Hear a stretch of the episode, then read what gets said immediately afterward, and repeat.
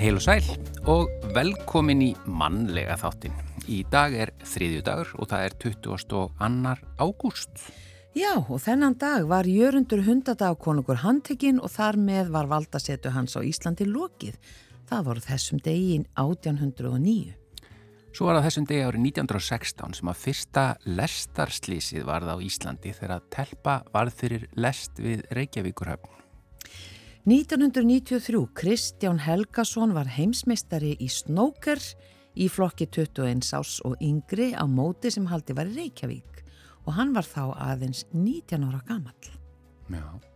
Svo var það þessum degi árið 2004 sem að tveir vopnaðir ræningar stálu málverkonum Óbið og Madonna eftir Edvard Munch frá Munch-safninu í Oslo og ég las mér aðeins til um þetta því að það tók langan tíma að handsama þá og voru handsamaðir einhverju fjórir til fimm eh, ræningar en þeir viðkend ekkert hvar málverkin væru. Og það var eiginlega búið að afskrifa þau. Það var jafnvel haldið að þeir hefðu kveikt í þeim eða eitthvað til að eigða sönnunagögnum mm. eða bara sko uh, málverk sem er ekki hægt að meta einu sinni til verðmæta. En svo fundustu uh, tveimur ánum síðar og voru bara mun minna skemmt, það var eitthvað smá raka skemmt og eitthvað aðeins sem að var hægt að gera allt saman við sko, ja. þannig að þessi málverk fundust aftur þarna og hafa verið til sínis en það er held ég passað talsveit betur upp á þau Já, það er meiri öryggiskæsla Já, Já hérna e Svo var það mentaskóli borgarfjörðar, hann var settur í fyrsta sinn e, 2007. Já og á þessum degi árið 2008 þá sigraði Ísland spán í undanúslitum ólimpíuleikana í handknalleg Karla 36-30. Þetta var mikill sigur og þar með komust, e, komst íslenska leiðið í úslitaleikin á móti frökkum um gullið sem að því miðurindar vannst ekki. Nei. En Silfur Velunin, þetta var eh, besti árangur Íslands í, í svona stórmóti. Og var gott einhvern veginn að fá þetta inn í þetta erfiða ár þarna 2008. Man eftir því. Já. Og svo var það fyrsta útgáfa Kjarnans, Stafarhans frétta tímarits sem kom út á þessum degi 2013. Já, svo er þetta saminuðust kjarnin og stundin yfir í heimildina. Já. En við ætlum að e, fjallum einslegt í dag, við ætlum að fjalla til dæmis um ADHD og konur. Rannsóknir frá nágrannarlöndum okkar sína 50-70% stúlkna eru án greiningar og mjög margar konur fá greiningu fyrst á fullorinsaldri. ADHD-enginni sem eru ógreind og ómeðhöndluð geta haft miklar og neikvæðar afleggingar á líf hvenna, félagslega samskipti og sjálfsmynd.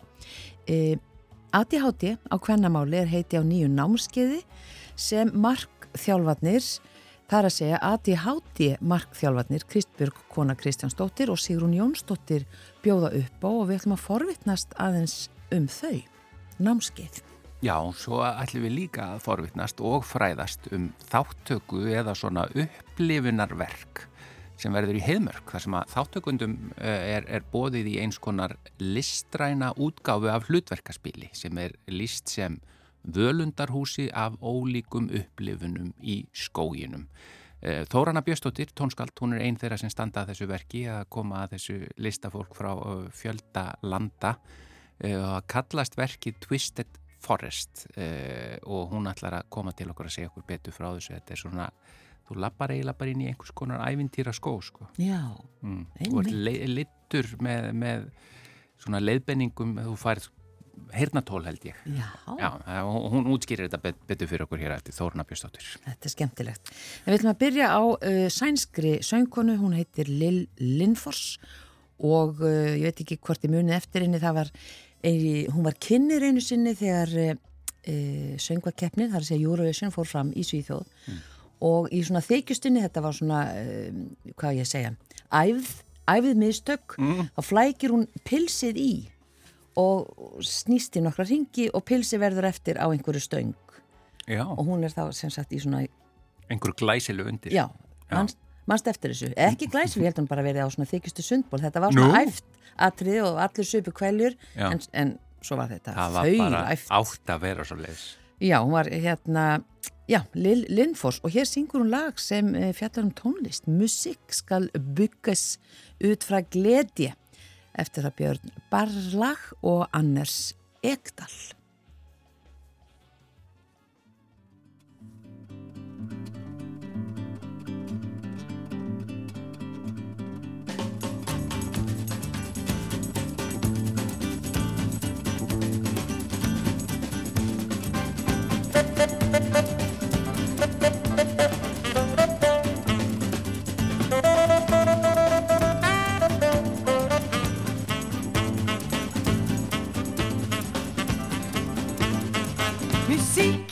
Byggas utav glädje.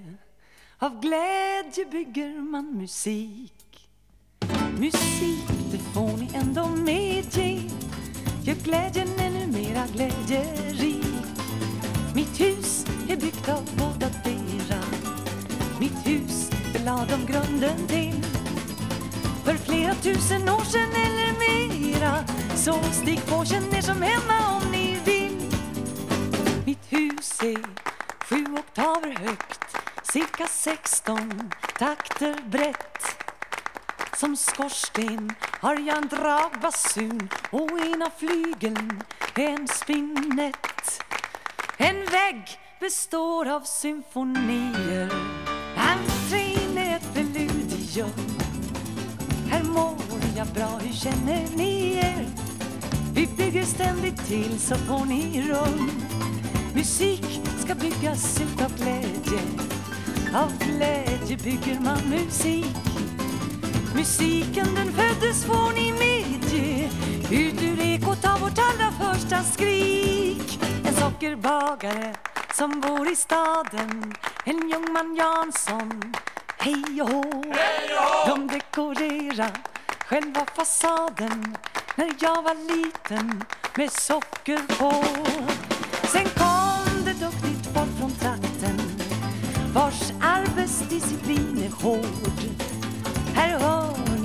som håller takten. De jobbar som man säger på ackord. Musik ska byggas utav glädje. Av glädje bygger man musik. Musik, det får ni ändå medge. Det gör glädjen ännu mera glädjerik.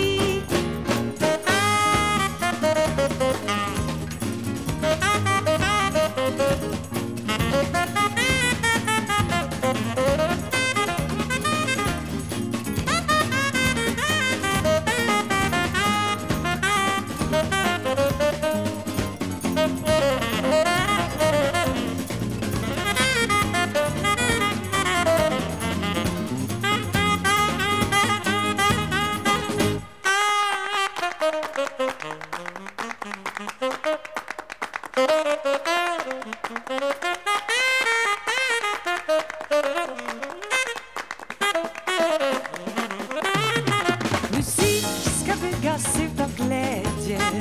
Av glädje bygger man musik. Musik, det får ni ändå medge. Det gör glädjen ännu mera glädjerik.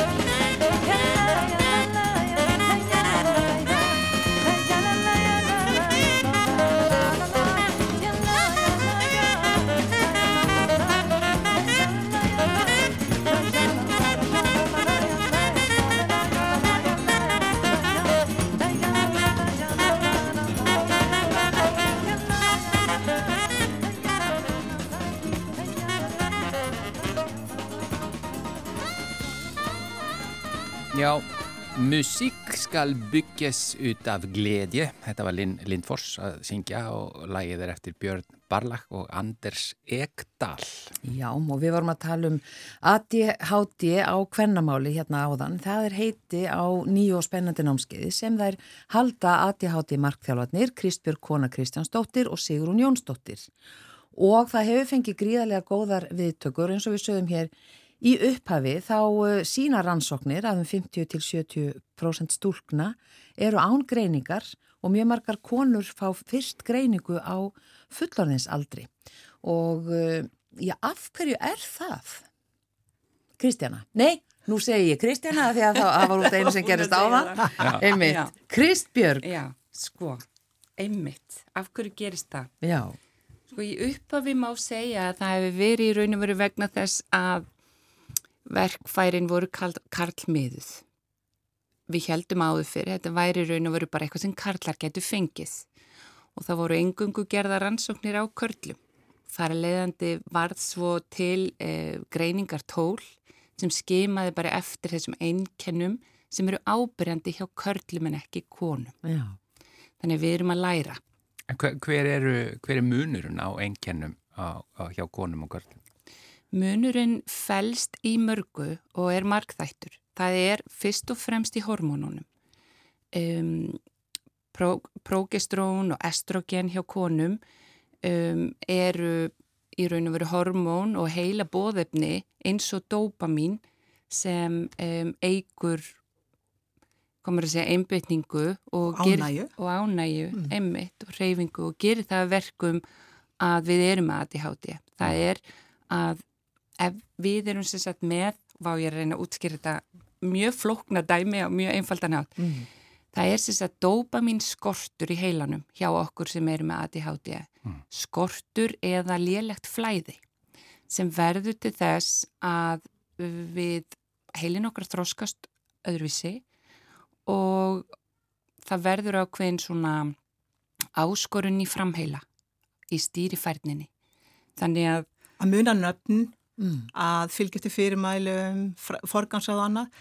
Þannig að ef við horfum á ytri enginni ADHD, þá voru það þessi fallegu drengir í den sem voru greindir með ADHD, eða var að tala líka um ADD, sem áttu svolítið erfileikum með hegðun, voru hvaðvísur og annað. En eftir sátu kannski veggjablómin sem er svona megið og útlitið á stúlkum sem að hérna fengu ekki greiningu eða skilning og við erum meira að horfa þar inn á uh, það eru konurna sem gengur á millir svo núna í setjum tíð og hafa fengið greiningar á þunglindi, kvíða, uh, mood disorder. Þetta eru við konurnar sem að uh, eigum kannski er verið með að stýra tilfinningum og svo lendum við kannski óvart í því að því að í gegnum kynsluðarnar þá höfum við tekið eitthvað þriðjavakt, kannist við það, ekki? Jú, jú, Jú, jú. Fjallatalsveit um Já. það hér bara. Já, og þriðjavaktin hún gengur út á að hafa uh, afspilningóða uh, framheila starfsemi, að vera skipulaður, halda utan um stýra mörgum verkferlum og við tökum þetta ennþá að okkur. Við erum Mhm. með yfirsýnina þó við séum hægt og rólega að breytast með þessari umræðin þriðjuvaktina, Mm. með því að skilja svona eiginleika eins og ADHD að uh, það, við upplifum kannski ákveðin dóm þegar við náum ekki að halda utan um hluti sem allir er að geta gert. En nota beni, allir eru með hennar framheila og ef maður lendir í börnáti þessar kulnun og ef við lendum til dæmis í COVID eftir köstum þá erum við að lenda í því að sjá eh, skerðing á framheilastar sem er jafnvel tímanbundið. Fyrir maður að gleyma. Ef við erum streitt, hvað gerist þá? Við erum út að aga. Já. Þannig að sko að ef að uh, konur eða bara hver sem er fær ekki greiningu Mm þá, þá auðvitað koma alls konar rángar greiningar eða, eða talið að orsakir séu einhverjar allt, allt aðrar eða eitthvað slíkt. Eða Já, við geta þróa svona fylgiraskanir eins og þunglind og kvíði Já. sem eru afleðingar á óheðhendluðum enginum og að meðan við tölum um ADHD sem klínisk greining þá erum við alltaf að reykja og skoða það sem ekki gengur vel, eða ekki? Það sem að okkar námskeið gengur út á og það sem að gengur svolítið út á núna í ADHD heiminum er að við erum komið með talsmenn sem eru fullónir með ADHD, konur og menn. Við erum uh, með námskeiðinu hjá okkur, ADHD á kvannamáli, þá vildum við nálgast uh, þetta hennan uh, hóp uh, kvanna sem við tilherum, ég og Kristbjörg, uh, og eiga gott leggin, þú veist, gaglega fræðslu sem er byggð á faglegum grunni.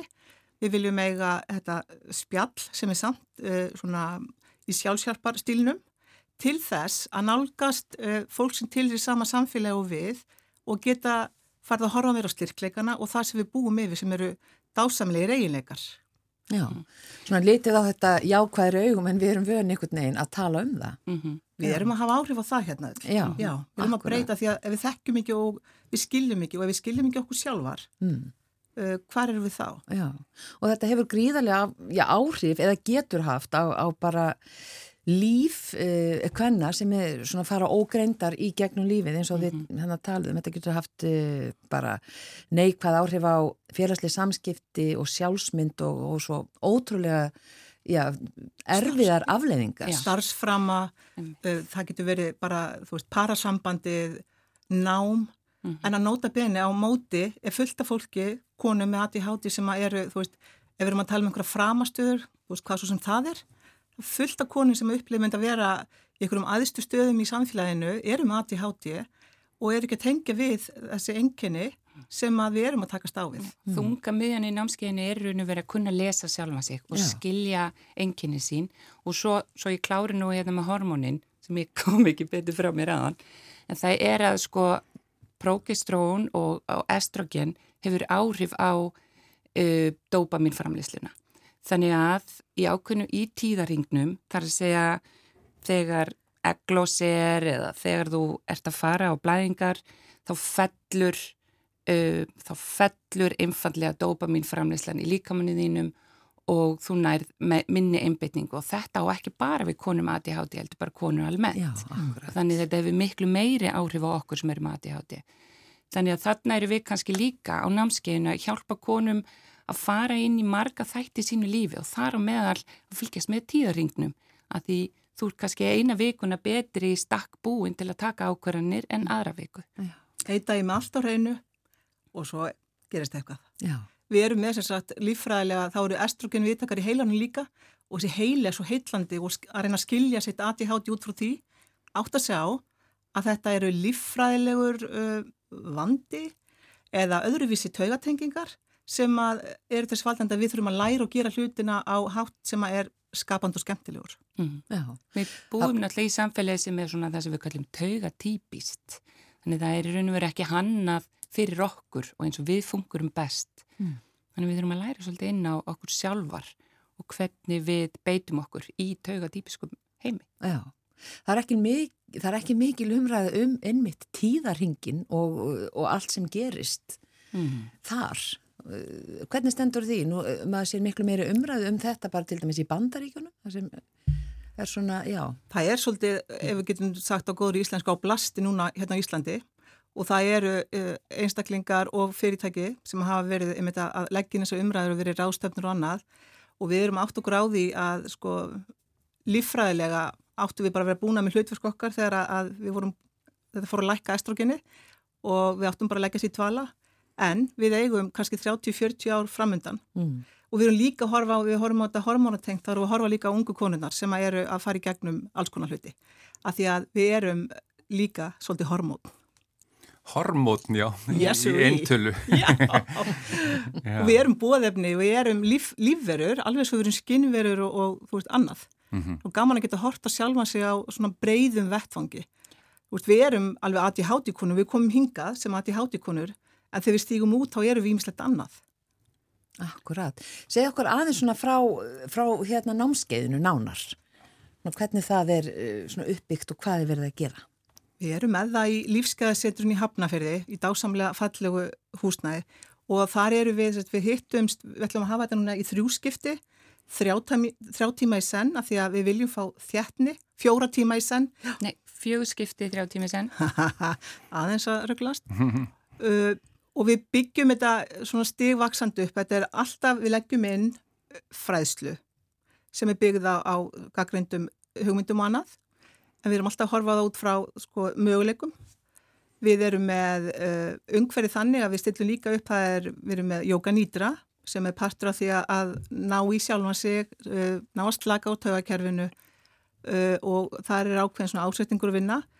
Við erum með samtal sem við setjum upp með ólíkum hætti. Við erum að skoða hvernig við erum í raun og veru verið með ákveðna grímu eða maskað enginu okkar í gegnum tíðina. Við höfum kannski búið til ímis bjargráð til þess að koma okkur í gegnum daginn sem þjónuð okkur kannski þá en eru farin að vinna gegn okkur í dag. Þannig það er ákveðin svona vinna að taka niður grímuna og, og þóra að vera svo sem þú ert. Þú ert nógu góð eins og þú ert. Það þarf ekki að fixa. Nei. En það má skoða hvernig maður er langa til að Já. fara fram á við í mm. tilvörinu. ADHD er nefnilega ekki afsökun, hún er ástæða. En þetta er... með að, að sko að konur greinist síður, mm -hmm. en sko greiningin sjálf, mm -hmm. ef að segjum sem svo einhver er að hlusta núna og mm -hmm. bara hefur kannski alltaf grunað eða, eða jafnvel bara fyrir að hugsa það upp úr þessu, hvernig snýr maður sér í greiningunni? Þú leitar til gæðleiknis eða læknis. Já. Já.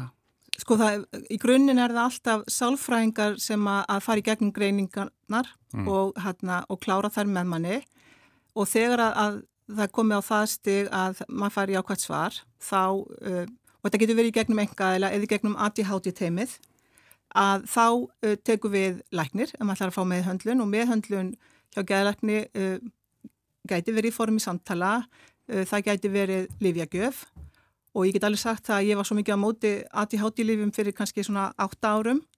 En í dag þá bara er ég það ekki og rannsóknir sína að þetta er okkar helsta og besta raunverulega meðferðarform. En ofan á það koma svo samtalsmeðferðir. Þannig að það er geðlæknir sem staðfesti greiningu og velur svo meðmanni meðferð. Uh, svo getur verið maður að vinna úr einhverju sem hefur verið að tröfla mann, segjum það getur verið þunglindi kvíði, það getur verið ímislega sem fylgir Já. og þegar því er lokið svolítið um að fyrir að horfa fram á við að þá er það ADHD markþjálfun sem að maður getur valið líka og þetta til dæmis ADHD markþjálfun er, þetta er sérhæft nám og uh, er mikið notað orðið og er bara mjög hjálplegt. Við erum að beita uh, svipum aðferðum á markþjálfur en við erum með ákveðna sérhæfingu sem er, hérna, þetta er stort og mikið nám Já. og þetta er, þetta er bara alveg frábært verkfæri. Þegar þú ert búin að fara í gegnum lífið og þú veist ekki af hverju þú ert eins og þú ert, þá byrjar að brjóta þig niður, þú byrjar að gaggrina þig og annað og fyrst mæ, mætur þig kannski frá umkörfinu og svo byrjar þú bara að stunda þetta niðurbrot sjálf og, og sjálfur. Um, það sem við erum svona að gera með námskeiðinu er að skapa vettfang þess að þessa konur hitta aðrar konur sem er, hafa verið að gangi gegnum það sama. Það sem þær geta speikla sig í öðrum konum og þar sem þær geta í raun og veru átta sig á og þetta er ekki hluta þeirrum personleika, þetta er ekki hluta af þeir mannesku sem þær eru heldur þetta hvernig þær hafa verið að höndla enginin sín eins vel og þær gáttu.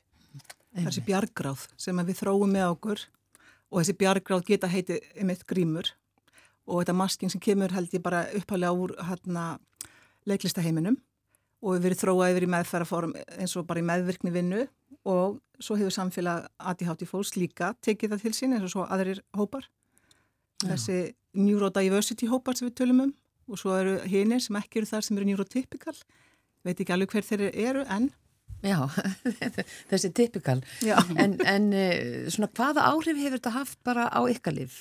líf? Fá ADHD greiningu?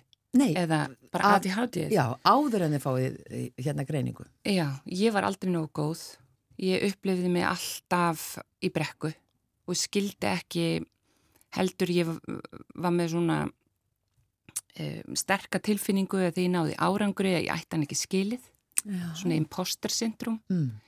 Um, ég fann fyrir miklum kvíða, bara frá því ég var lítið bann, um, hef ég skinnjað heiminn að mínum mati ólíkt öðrum. Svo var ég auðvitað gleiminn og annað enginnin minguðu svo þegar ég var um, svona tvítug, þrítug og ég átti svona góðan sprett í svona 15 ár þar sem ég fann lítið fyrir enginnunum mínum. Svo fór ég á breytingaskeiðið mm. og þá komuðu alveg sko eins og skellur, eins og blöð tuska í andlitið af mér sko.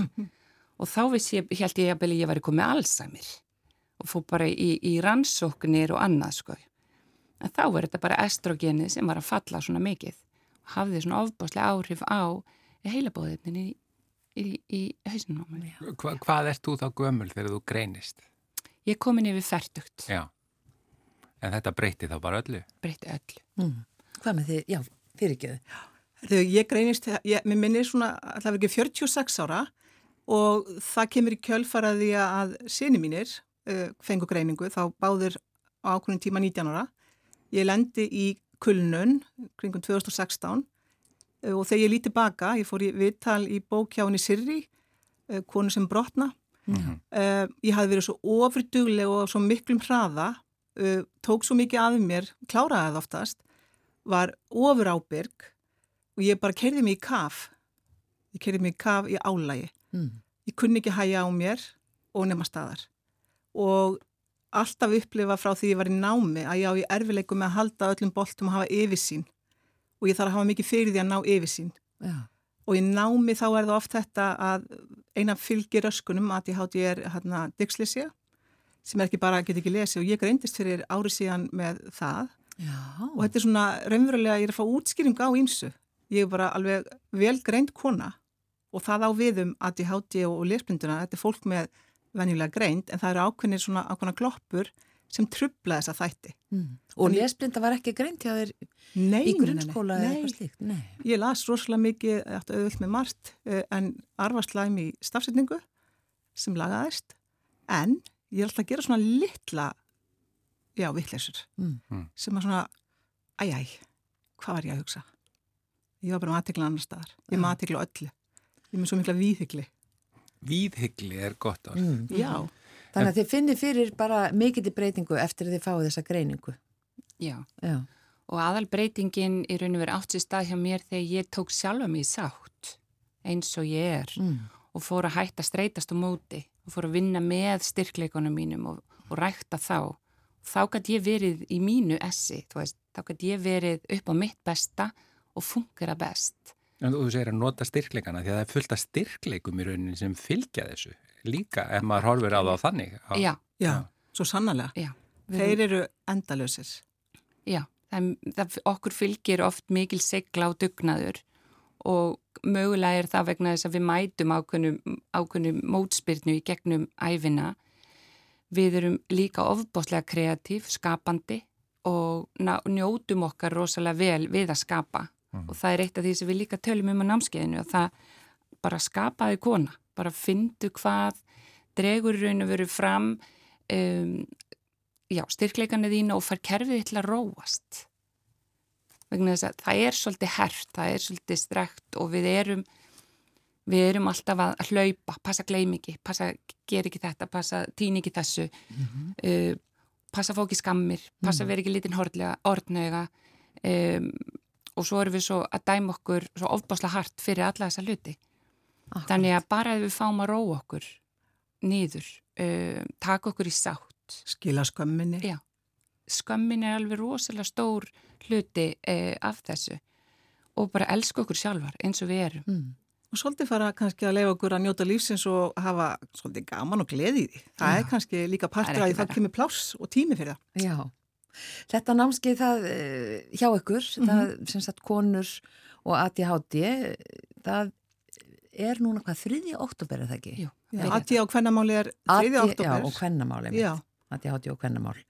Eh, Krisbjörg Kona Kristjánsdóttir og Sigrun Jónsdóttir. E eitt að lókum, það þarf Já. ekki að vera búin að fá greiningu eða til þess að Nei, koma á alls ekki. námskeið. Það eru alla konar velkomnar sem hafa grunum að vera inn á þessu, þessum hóp, eða þessu tribe eins og ég vil segja. Ég er voða mikið að sletta. Fæ ekki vinnu hér. Já. Já. en þetta er mjög mikilvægt einmitt. Já. Að sko það er sem ekki eru búin að fá greiningu en samsama sig kannski öllu þessu sem þeir eru búin að vera að tala um hér. Já, því við erum að skilgreina okkur og skoða. Akkurat. En bara kæra þakkir fyrir og uh, hvað er hægt að fá upplýsingar? Er þið með síðu eða? Já, það farin á heimasíðu miro.is, það er m-i-r-o.is. Míró. undir námskeið Já. það er síðan en að er allt þar. Kæra þakkir Krisbjörg Kona Kristjánsdóttir og Sigrún Jónsdóttir. Takk fyrir Takk fyrir.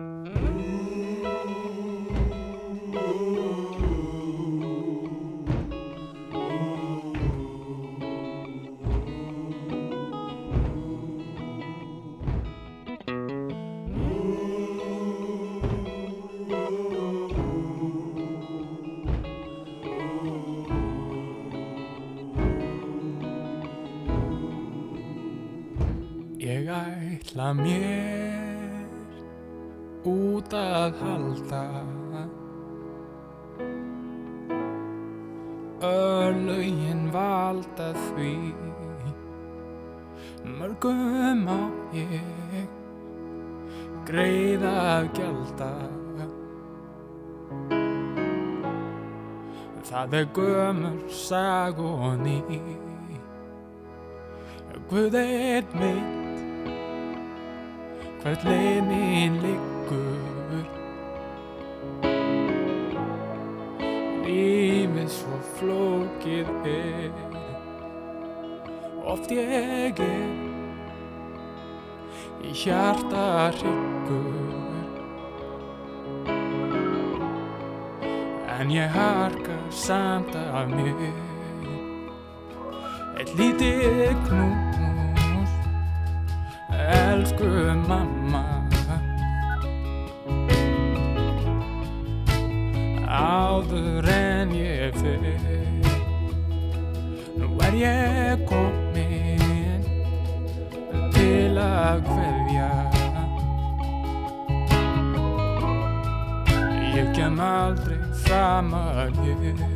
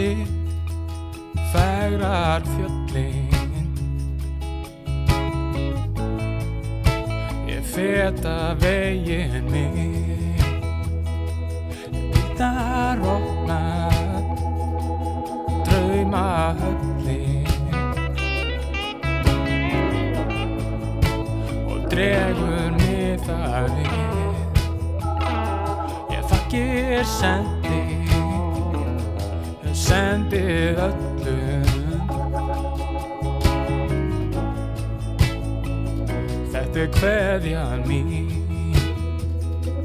Ég mun ganga á þessum vegi. Lífsins dagur því Já, ég mun ganga á þessum vegi Uns lífsins dagur því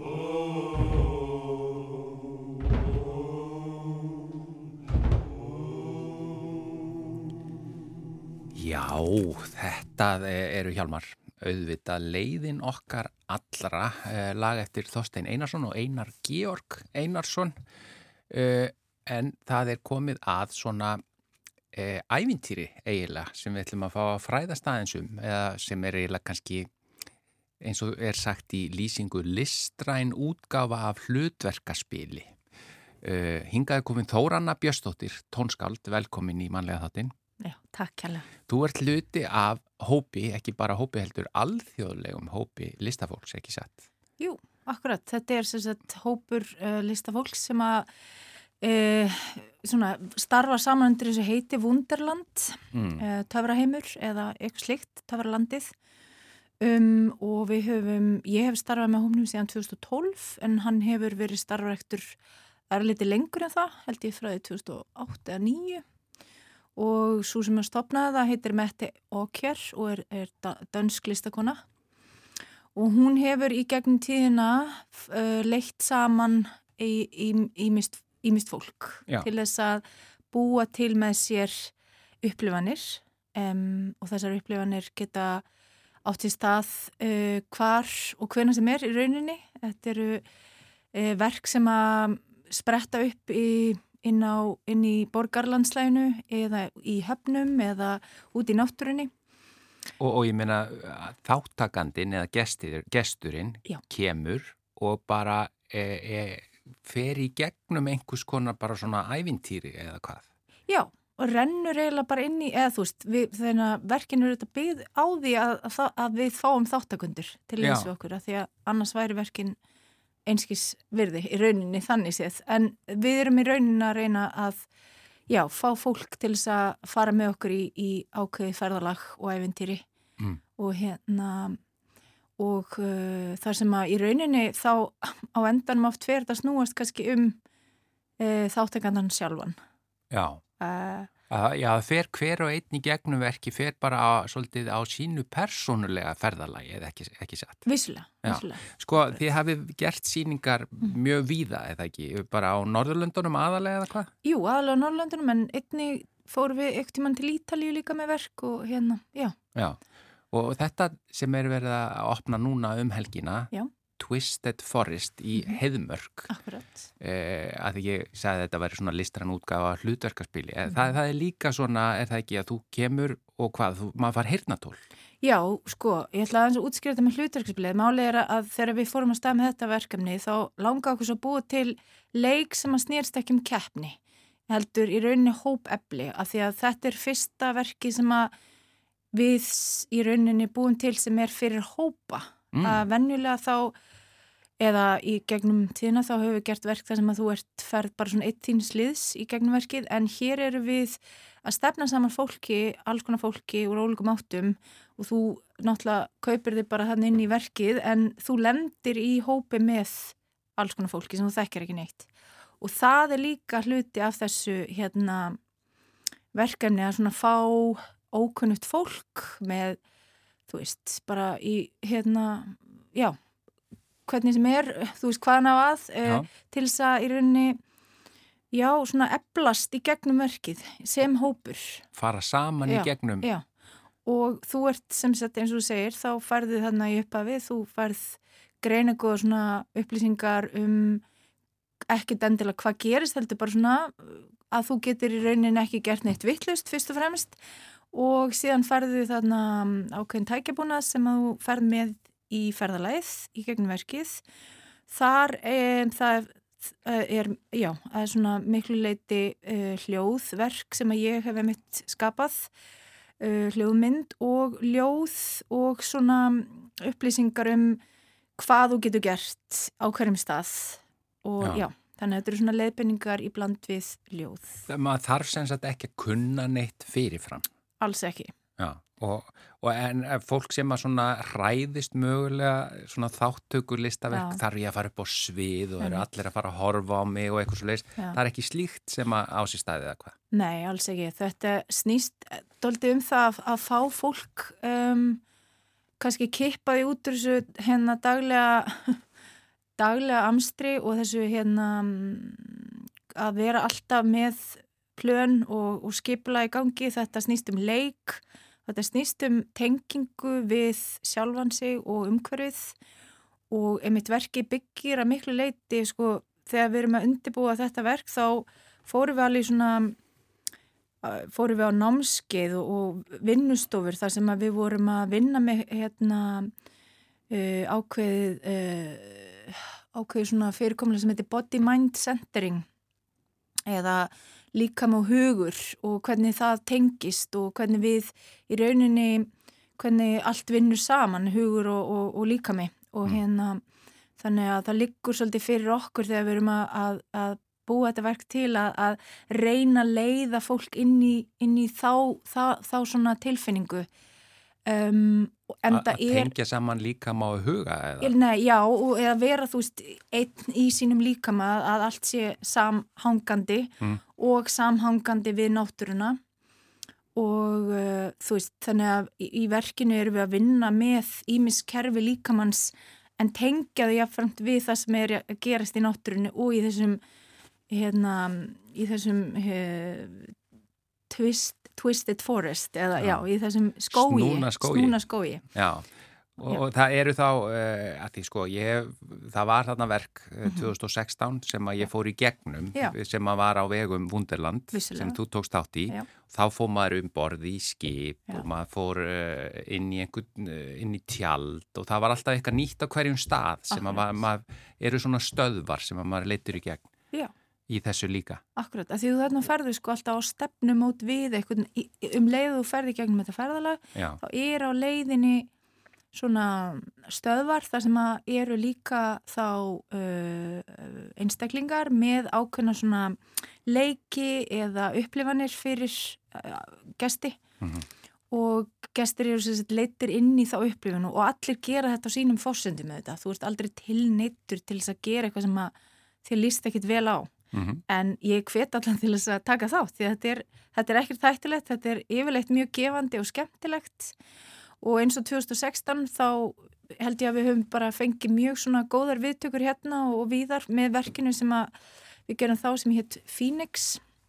Og það var einmitt, þar var landslægið hafnarsvæði og, og, og eins og við vinnum þá náttúrulega förum við og svona í rauninni nemum land á þeim stöðum þar sem við ætlum að setja verkinu upp og e, miðum okkar vinnu mjög mikið út frá því sem e, fyrir er og Já. tökum þá til greina bæði hvernig umhverfið er og e, hlutir, e, fólk og fyrirbæri og svona já, samhæfum eða samþættum það inn í hugmyndir sem við erum búin að móta Og nú er það heiðmörk og og skógur. og skógur, já, Já.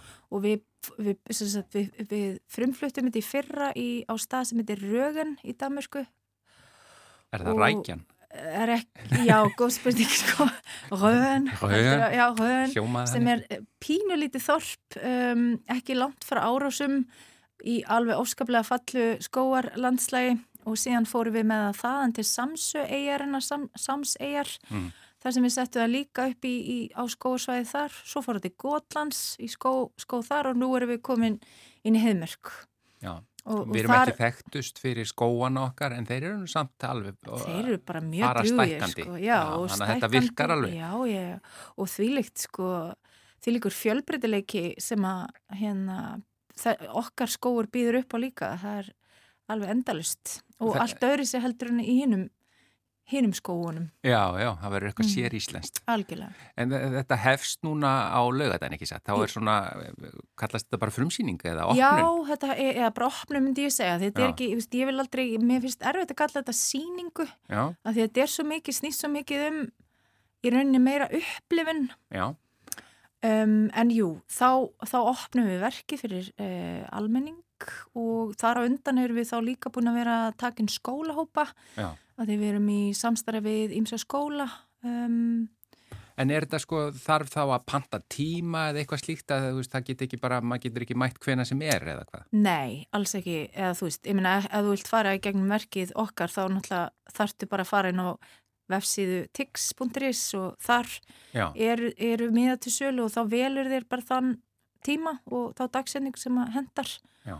en þetta er náttúrulega ekkit alltaf í gangi uh, og verkið það tekur þeim tæp, já, tæpa klukk, tvær klukkstundir að fara í gegnum verkið og þetta er uh, hefst núna um helgina og Já. hvað stendur þetta lengi? Hvað Eh, uh, sýnið þið lengi? Ég held að síðast að sé annan september Já, þannig að þetta er núna allan að rúm vika. Já, akkurat Þórana Björnsdóttir, þakka þér innlega fyrir að koma og segja ykkur frá. Þetta er sem sagt Já. Wunderland-verkið Twisted Forest eða, eða Snúin skóur eða eitthvað slíkt. Já, Takk Þakka- innlega fyrir já. komuna í manlega þetta. Eru þakka ykkur fyrir að bjóða mér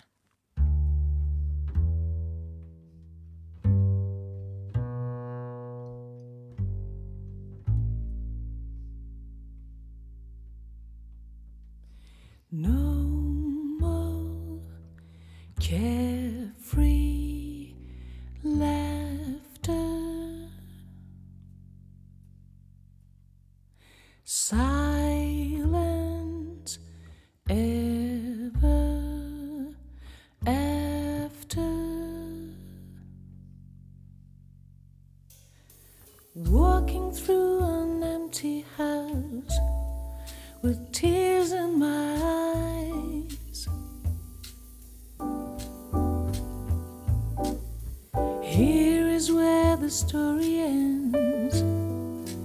This is goodbye. Knowing